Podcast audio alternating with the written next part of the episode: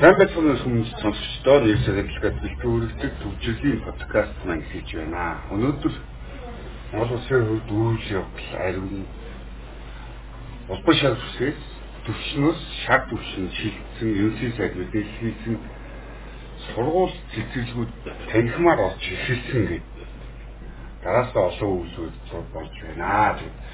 Та бүхэн талаар мэдээллүүдийг хүргэнэ. Нүүрс ганцлаг өнөөдөр онцлсон сурвалжлага бол Ламбардууд баяр төгөхөөр ам ортгоо гэсэн сэдвийн үрээнд сурвалжлага манай Арина маань бэлтгэсэн. Энэ сурвалжлагыг л зургийг харахад ойлгомжтой. Тэгээ Монголын хамгийн сэтгэлэн хөгжиж байгаа бизнес бол банк санхүү ламбардны үйлчлэгээ явуулдаг аж ахуйн нэгжүүд байна. Тэгээд өнгөрсөн 7 хоногт хүртэл хөгжлийн банктай холбоотой өрийн асуудал, дээгээ төлөхгүй байгаа компаниудын асуудал босч ирэхэд нэр хэр гişүүд бол хэдхэн хоногийн дотор бэлэн гаргаад дээлээ төрсөн байх жишээ нэг. Энэ одоо нөгөө бэлэн мөнгө эргэлдэж байгаагийн жишээ нөгөө баг бүтэд гээл аваад банк цагуугийн байгууллагаас амжуулаад төхүүлээ өндөр хүртэгээд зээлээд идэг ийм л тогтолцооны нэг хэлбэрийн тэр болоод харагдаж гинүү гэж хадлаа шүү дээ. Аа. Тэгээд энэ ламбарднуудын үйл ажиллагаа бол олог нэлээ сайн байгаа тухай ярьж юм тий. Цагаан сарын үед бол нэлээ ихсэн гэдэг чи бодсоо тэгэхээр ямар шугам байна. Аа тэгээд миний сурвалжлагын гол одоо өнцгөн нь одоо одоо бид нар чинь ингээл те цагаан сар гээл март валентин гэл ингээл баяраас баярын хооронд те ингээд одоо юу гэдэг цалин хөрөлдөхгүй тэгээд бараа бүтээгдэхүүн өссөн байгаа энэ үед чинь бас иргэдийн одоо нэг хамгийн их өргөнөөр өршлүүлдэг гэдэг юм уу? Ийм газар зурвал ламбард талаа төвөрсөж байгаа юм л да. Тэгээд яг ламбардын орлого бол цагаан сарын өмнө бол ер нь бол ичсэн гэдгийг нь хэлж илээ. Тэгээд нэг хэсэг чинь ингээ сая өнгөрсөн жилүүд нь хөл хориотой байсан, ламбард хэлэхгүй бүхэл аж ахуйн цаалттай байсан тий. Тэгээд яг энэ үеэр болохоор ламбардууд маань бас нөгөө дампуурх ихтэй гэсэн ийм бас үйл ажиллагаанд оролцсон ийм зүйл бас гарсан юм билээ. Тэгээд яг судалгаа хийгээд үзэхэд бол Монголд одоо 1000 гаруй ламбард үйл ажиллагаа явуулсан юм байлээ л дээ. Тэгээд цаас дахлын үеэр 300 одоо давбарсан байх жишээ нэг. За тэгээд намар бол манай ундраа бол яг энэ сурвалжлагыг хэмжсэн байсан. Тэгээд намар яасан бэ гэсэн чинь намар оюутнууд орж ирээд Улаанбаатар хотын хөл хөдөлгөөн нэмэгдээд эргээд ингээд нөгөө эдийн засаг гэрчинжээд ирсэн чинь Ламбардны үйл ажиллагаа маань бас ингээд түүнийг дагаад сэрх жишээтэй ийм зүйлд ажиллаж байгаа юм л да. Тэгээд сая бол яалтч юм байна нөгөө хоёр баяр ингээд дарааллаад болчихлоо. Иргэдийн угаасаа худалдаа авч чадвар угаасаа нөгөө таанаас хийж байгаа. Тэгээд яг бодцоод л тэр нь нөгөө ландартын хүмүүс юм а тавих үзэгдэл бас ихсэл байна гэдэг би ер нь сонирхолтой зорьсон юм л да. Тэгэхэд нэг санаа өнцгөр нь болохоор одоо бид нэртэй ингээл ломбард гэхээр зөвхөн ажлын цагийн хооронд ажилладаг гэж гэж боддөө штэ. Тэгсэн чи үгүй юм билээ. Бүр 24 цагийн ломбард болсон билээ. Тий. Тэгээд айгүй сони юм тэр нэг пүүз мүүзтэй нэг дандаа уц муц гэмтэй нэг хулгаан юм тийм юм шүнийн цагаар бас амар авдаг тийм тохиолдол байдаг юм лээ. Тэгээд би хувьдаа харахтаа яг л нөгөө оюутан те шоудж байгаа тийм нэг тийм залуучуудын хэрэгтэй санхүүгийн хэрэгтэй түр хангахад одоо тийм зориулсан л ламбарт үйлчлэх юм болов гэж харсан шүү дээ. Тэгээд шөнийн цагаар ер нь бол аюу эргэлттэй байдаг гэж шүү. Суурин ламбартаас шүү явуулсан ламбарт нэр шиг. Тийм. Гол нь жоохон нөгөө хулгайн болгоо тийм л тавьчих хэрэгтэй. Тийм. Аа. Баяртай явах гэж хэмжээгүй багт сайн уу сайхан сар гэж эрт эдийн засгийн хувьд бол хүнд байдалтай байсан хүмүүс ламбардын хамтгаа зөв аргагүй байсан юм шиг байна. Тэр нь бид нар чинь нэг гар утас гэдэг одоо доод бараг 2 3 сая төгрөгийн үхий гар утасны барьдаг болчихлоо шүү дээ. Өөрөө оператор утасчсан сартаа хэдэн төгрөгч үлээ гэж маш уйлтай холбоотой юм нөгөө зээжийн үйлчлэгийг үлдээ болчихсон зүйлдэг болсон. Тэрнтэй холбоотойгоо нөгөө гарах цай байж чил үлхэн сая төгрөг тавьчих боломжтой байгаа. Тэгээ энэ маш их мөнгө хэрэглэж чинь гэдэг энэ салбарт хамгийн гол нь хууль эрх зүйн зохицуулалт маш муу явж ирсэн. Тэгээ одоо нэг гişүүдээс сурталчлаад байгаа хууль явуулах, хуулийн төсөл явуулах ба тий энэ нөгөө иргэдийн эрхлэшийг хамгаалдаг болно. Үдгийн үйлшигийн хүлдэг мөнгө хүлдэг байдлыг алтан өндөр тооцдог байдлыг нь айлтгуулна. Хаана хин ямар их үйлчлүүлэлт хамгаалтыг ажиллуулад байна гэдгийг тогтоодог болно. Гэлчлэн Тэгээ хүн бол нэлээ өндөр санагдсан шүү дээ. Одоо жишээлбэл би яг ингээд сурлага хийхэд би iPhone X ирдэг байхгүй юу. Тэгээд iPhone X яг танах хэдээр авах вэ гэдгсэн чинь 400 мянгаар ч. За тэгвэл 70 оны хугацаанд ингээд 50-аа гэдгсэн чинь хүн хэд болох вэ гэсэн чинь 20 мянга гэж авдیں۔ Тэгээд ч амар хүлэлтэй явагдаж байгаа. Зөвхөн би 7 хоногийн хугацаанд би 20 мянган төгрөгөөр одоо явж байгаа гэсэн байхгүй юу? Тийм. Жижигхэн газар явуулдаг шүү дээ. Тэгээд ерөөсөө том тийм хүнтэй бараа гэдэг байхгүй. Айл болох жижиг. Одоо нөгөө 90 сарын нэг дугаар муу дугаар айгүй хэрэгтэй гэдэг. Тэгээд хамгийн хямд зардлаар хамгийн төсөл гаргаар хамгийн их мөнгө ашигтай ажиллаж байгаа салбар байгаа шүү дээ. Бизнесмэнүүд ч бас хэлээд идэв. Одоо банкнуудын жижигсэн хөлбөр тэнд яваад шүү.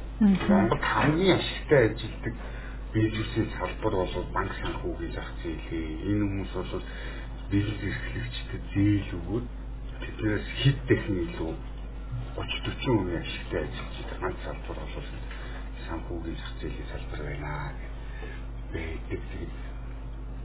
Одоо өнөөдөр чинь хитэн хосын баяр тэмдэглэлтэй хэдэн үнэн таарсан байж бидний таашгүй тий. Аа.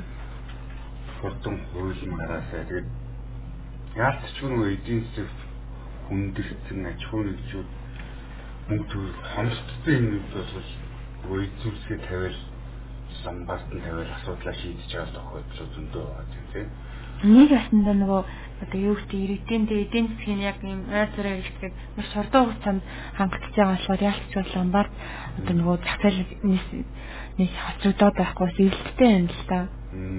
Тийм. Тэгээ одоо энэ нөгөө 10 дугаар болоосон яг тэр Golden Park-ийн хойдлын нэг юм гудамжны хэсэг сансрын түнэлийн юм баян цээл энтергээ хийдэг тэрний дэшиг өгсөн тийм хэрэгээр явуулсан үнэхээр готрмаас тийм Монгол ганц үйл ажиллагаа явуулж байгаа ашигтай ажиллаж байгаа салбарны хөлсөл юм болсон. Тэгээ бүгднгийн нөгөө мөнгөийг авч ингэ эзүүсийг нь авч ингэ чийдэг. Тэгээд бас буруу тахаа бодож хэвчний зүйлдээ байх би тийм бүгдийг ажиллаж яадлаа тийм. Одоо тэр жижиг дан үйлдвэрийн зээлийг чинь яг тийм юм ийсэн шүү дээ. Шүүд аваад зориултын бусаар гэдэг байгаа тийм. Банк санхүүгийн байгууллагатай хийгээл 3% хүүтэй зээлийн 30% болгож ард иргэдэд хүлээл гэдэг. Тэгээ одоо ингээд яг ламбаасны нэмэлт ажиллагаа эднэрийг хараад байхлаар нөгөө бүр манжи иршилдэж гэдэг нь хятадын пүүсүүдэд мөнгө хүрч ийсэн гэж бид нэр одоо хүртэл хамаа ангаагаал амар юм болвол муулаад идэх. Чи тэднэр чи эднэрийн хажууд хөрх юм баг хүүтэй тэгээ 7% хүүтэй сарын жилийн хичээл ингээд баг хүүтэй бидний ипотекийн дэшиг баг шахуу олддог байсан. Тэгээ одоо хуулийн яриад байгаа. Тэгээ хуулийн мэдээж гараад ирэл энэ шигтуар чинь сайжраад ирэл бат юмараа өөр болохгүй л үтэй гэсэн. Найдлага бас байна. За тэгээ ирж яваа сайжрах баха гэж нэт яа. За түрүү хэлжсэн ерөнхий сайд өөрийн би мэдээлэл хийсэн. Тэгээ Монгол улс бол шар төвшин шилжлээ. Энэ нь бол сэлхийн хориг юм умаад зүйлүүдэд нэвтэрдэг болгож юм. Тэгээ инглиш зүгээр байхгүй гэдгийг бол ерөнхий сайд хүчилж ирсэн. Тэгээ Монгол улс 1992 оноос хойш бүхэндээ анх удаага 5.3% болтлоо нэгдийг агшсан гэдгийг ерөнхий сайд бас сануулж хэлсэн. Тэгээ одоо энэ аялал жуулчлалыг хөгжүүлнэ гэсэн нь Асын хараа 2050 онд шин зэрэгтэй юм. Гайдал хөгжүүлэх гэдэг тийм. Тэгэхээр манай ариуна мэдээлэл онцлогоор ерөнхий сайдын мэдээлэл онцлогоор ямар ямар шийдвэрүүд танилцуулав. Яг өнөөдөр нөгөө онцгой комиссын, улсын онцгой комиссаас суралцсан. Тэгээд суралцаанаар болохоор одоо ганшийн бид нар нөгөө шар төвшин шилжиж байгаа. Тэгээд үүний засгийн газар дэмжиж тогтоож баталсан энэ сурласан. Тэгээд оюун эрдэнэ сайд бол мэдээлэл хийхдээ аа бид нар одоо бүрэн хилээ нээж байгаа. За тэгээд гадны улсад одоо хөрөнгө оруулагчдад тэр тусмаа жуулчдад одоо бид нар хилээ нээгээд тэгээд хэрвээ одоо юу гэдэг ямар ч одоо нөгөө ингэл гэсэн байхгүй юу да гадны улсуудаас вакцин жуулттай хэрэв вакцин жуулттай бол энэ чинь бид нар ямар нэгэн шаардлагагүй хүлээгээд авчин. За тэгээд инженерд бас вакцин жуулт хийлгэж болно л гэсэн санааг яг хөрөнгө оруулагчдад жуултад хандаад тийм мэдээлэл хийсэн. Тэгээд нийт болохоор таасаа хэллээ дээ. 92 оноос хойш бидний эдийн засаг ингэж хасах 5.3% та ингэж ахсан гэд аа тэгээд өнгөрсөн 2 жил чинь болохоор тийм ингэж цаг тахал үргэлжлээд аж ахуйн нийтүүд ингэж бас сонирхмал болоод тэг 200 мянган гаруй ялгийн байр хүртэл болсон юм байлээ. Тэгээ яг үүнийг сэргийлээд одоо нөгөө ерхий сайд засгийн газрын одоо тэргүүний зөв шин сэргэлтийн бодлогыг одоо бид нар хэрэгжүүлж байгаа шүү дээ. Яг энэ хүрээндээ л одоо авч хэрэгжүүлж байгаа нэг арга хэмжээ нь бол өнөөдрийн хилэний ийм арга шийдвэрийг бол танилцуулж байна. Тэгээ яг хүмүүс талаас нь харж байна л та.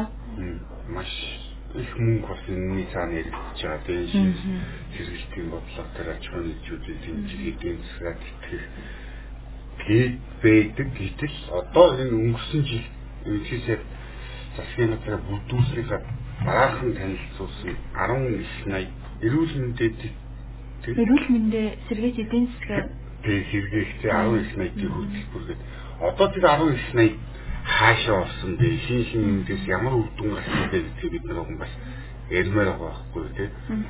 Оо наач нэг дээр ярьсан шүү дээ.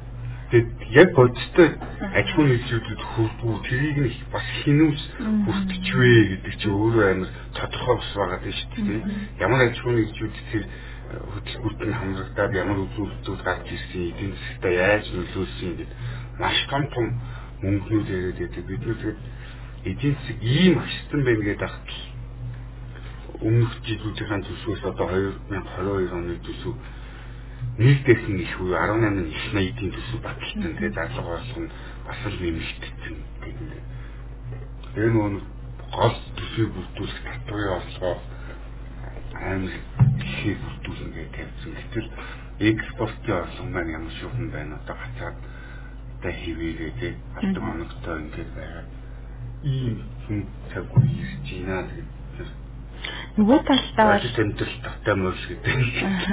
Тэгээ нөгөө талдаа бол надад шар төсөн шилжсэн нэг үгүй тийм баярлж байна. Ягаад тэгэхээр одоо шилбэл биднэрт одоо бусад бүх үйл ажиллагаа амны хаалттай байх гараа угаах тий халтар хамгааллын дэлгээс сахих зэрэг бусад одоо бүх үйл ажиллагаа биднэрт л нийлэлтэй болоод ирсэн. Урлагийн соёлын тоглолт үзэн за тэгээд орой бар клуб дисконы газар чинь 12 болохоор гаргацдаг шүү дээ. Гэтэл одоо яг цаад нөгөө хуучиндаа буюу 4 цаг магаас гаргах гэдэг юм уу те. Яг бүхэл юм нөгөө хуучигийн маягта сэргэж ийн гэж ойлгогдож байна. Ээ за одоо 2 жил 11 цагийн мэдээ үзэж залхлаа шүү дээ. Айц үзэж давтуулаад байгаа гэдэг тийм.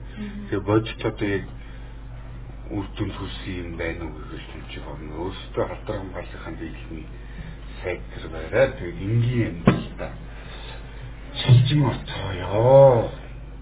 За сурагчд маань өнөөдөр хичээлээ. Үүнтэй зэрэг суулын шин хичээлээ одоо үлрэлийн шин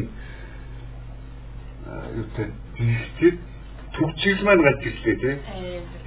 Өнөөдөр хэд хэдэд бас шид хэдэд гарцгаад хідэн цагт ирчих юм юм нэ. Би л аа гэрээсээ манайг харин цагаал гэдэг баггүй. Гэрээсээ би 7:30 гээ гарсан би ажиллаж Хоёр цаг.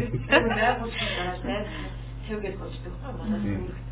Тэгээ 20 минут гэдэг чинь чи өнөөдөр цаг 30 минут тэгээд жоок дээр буугаад наашаа зүүн дөрвөлтэй нэг засгаа. Автобус 8 хүн дээрээ гэж шалгав. Автобусыг бодоод би бол эцсээсээ хойш нь 4 5 буудлын дараа суудаг байхгүй юу? орох цай байхгүй тэгэл онгойлгол яг хуучны үед автобуснаас зүгтэн зүгтэр явдаг байсан шиг тийм тэгээд уушаа юм байхгүй тэрхээ татал алхахад тэгэл хідэн мар зуугаад машин автобус гүйцэл орж ирж байна.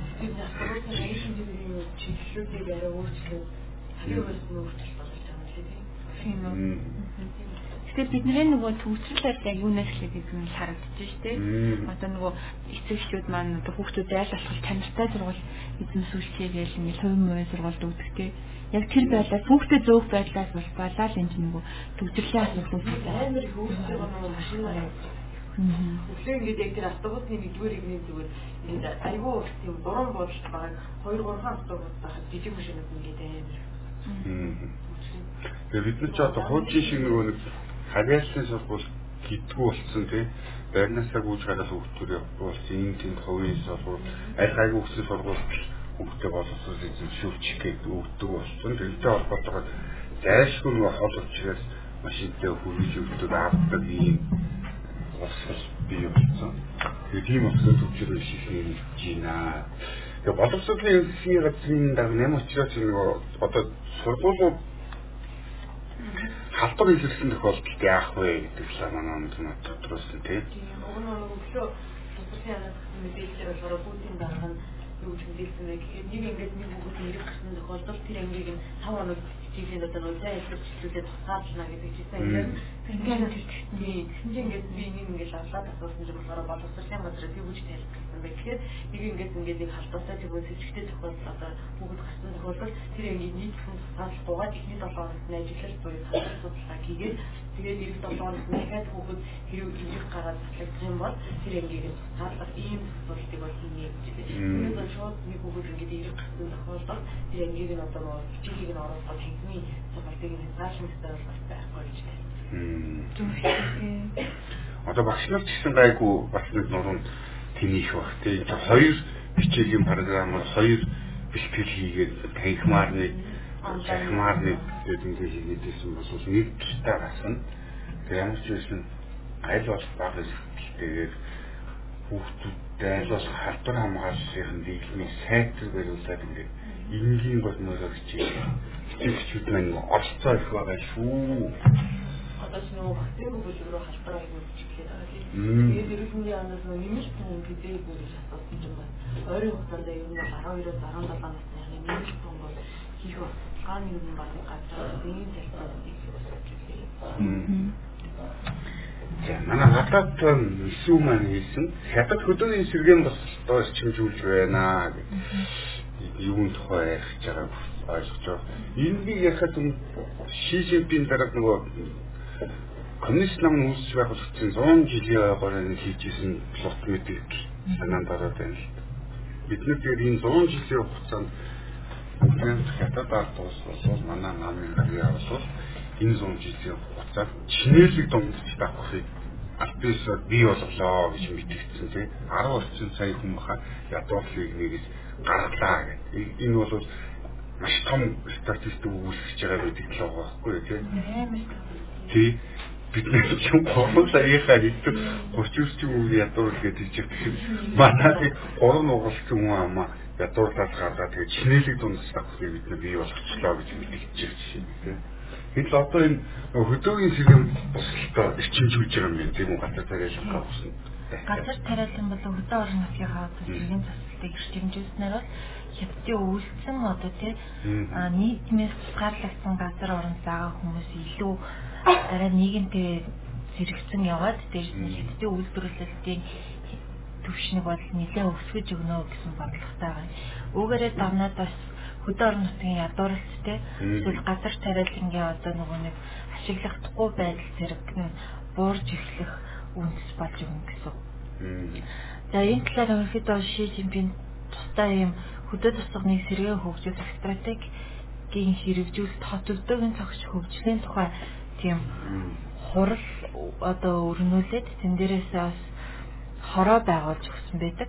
Тэгэхээр хороо нь бол 2020-оос 2025 оны хооронд бол хөдөө орон нутгийн үйл ажиллагаагаа дэмжих тийм төлөвлөгөө гаргасан байгаа. Тэгээд цаашлаад бол 2049 он гэхэд хятад дэлхийн хамгийн хүчирхэг чинэлэг ардчилсан тийм соёл иргэншилтэй орон болох юм төлөвлөгөөтэй байгаа юм.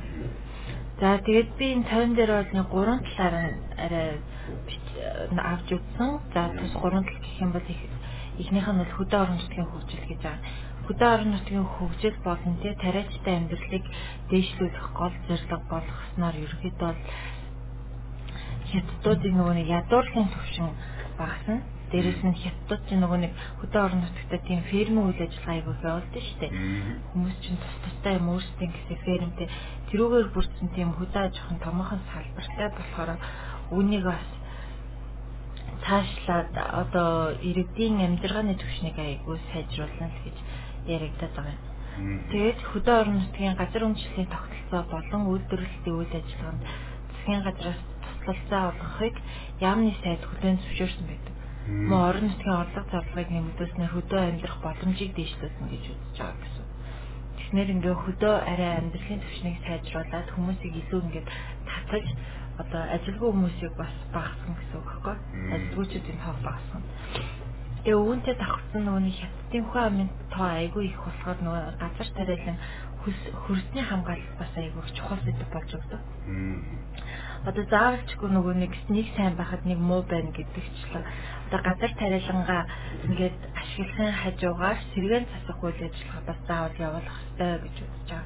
Тэгжээж нөгөө нэг одоо орчныхаа цэвэр ариун цэвэр ариун байлгах үүднээс янз бүрийн тийм хууль тогтоомжууд гаргаж ирээд бохирдуулсан тохиолдолд бол зайлшгүй тийм цэвэрлэх зэрэг босгох шаардлагатай гэдэг дүрмийг бас тавьж өгсөн байгаа фермийн ажилчдаа.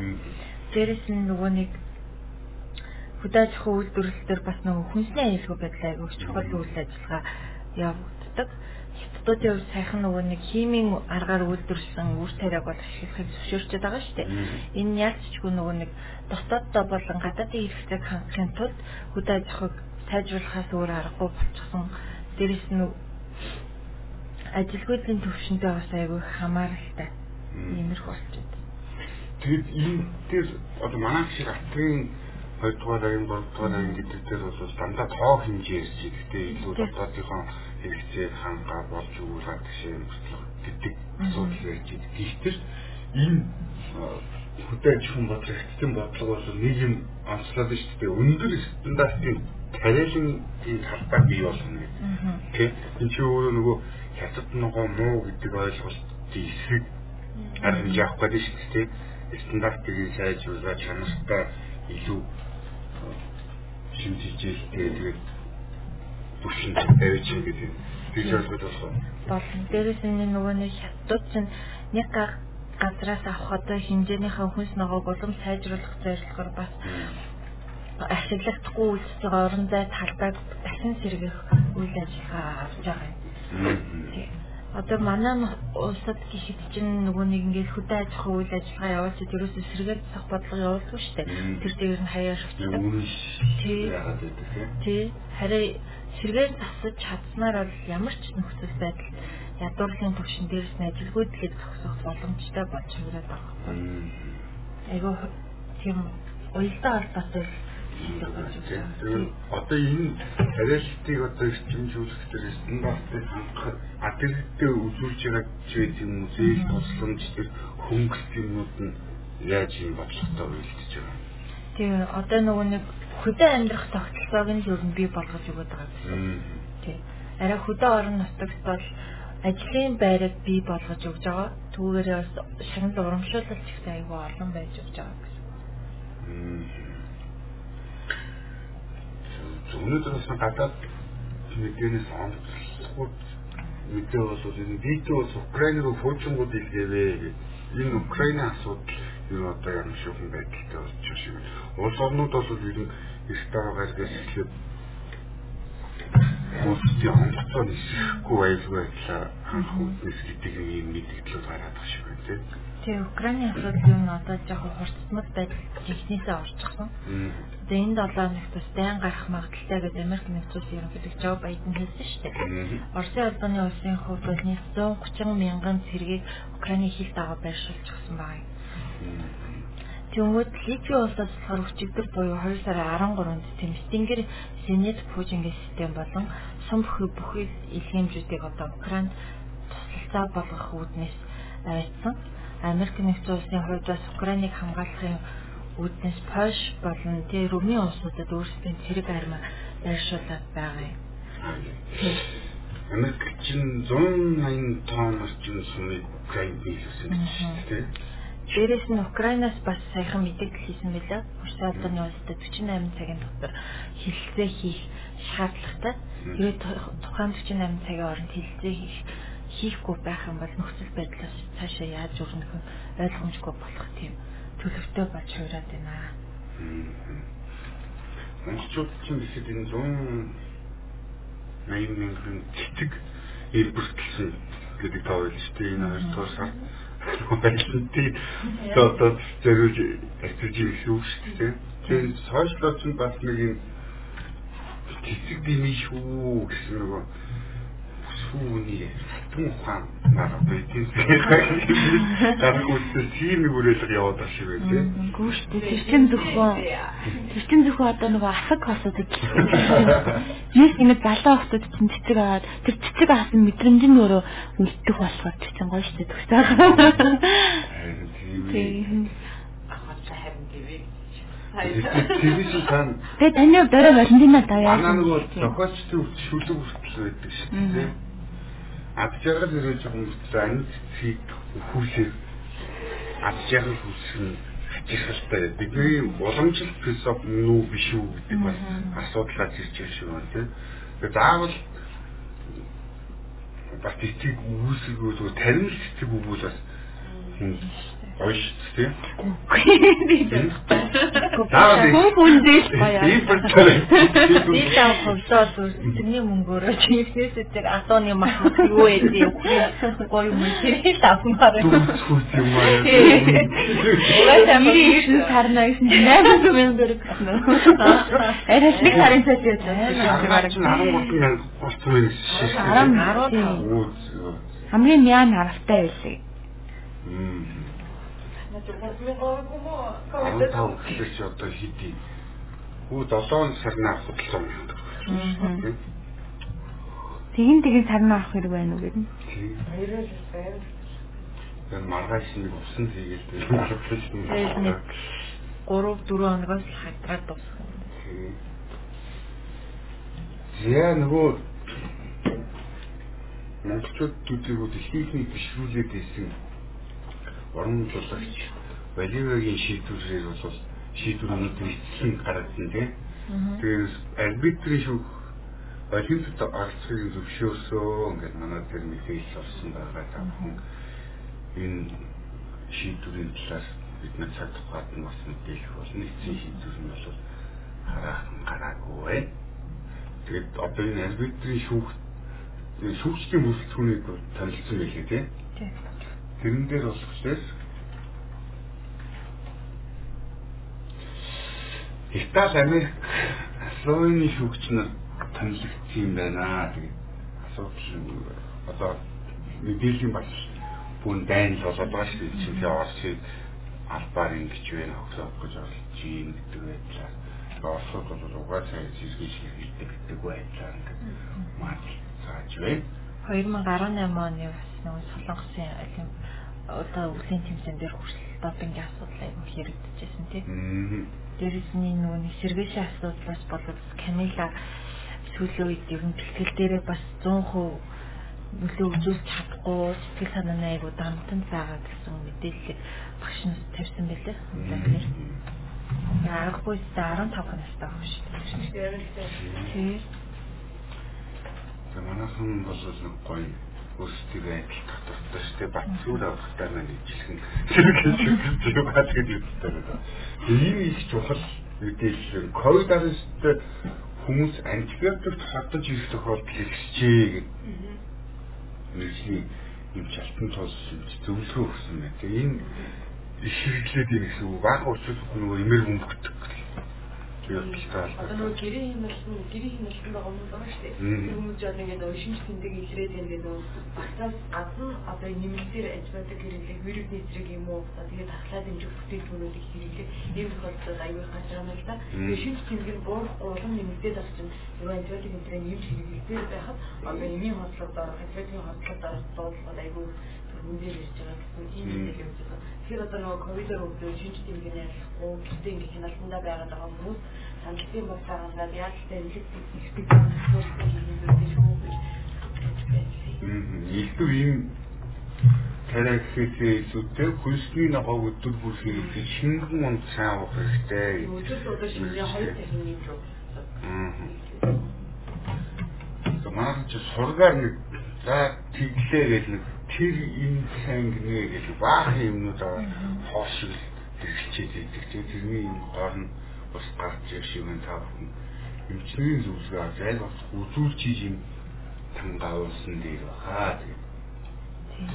Энэ түрээд манай төвчлийн подкаст маань өндөрлөж байна. Маргааш та бүхэндээ илүү дэлгэрэнгүй олон мэдээлэл өнөөдөр өрнөсөн үйл явдлын үргэлжлэл хэрхэн өрнөх талаар та бүхэнтэй уулзах мэдээлэх болноо. Бидэнтэй хамт байсан та бүхэндээ баярлалаа.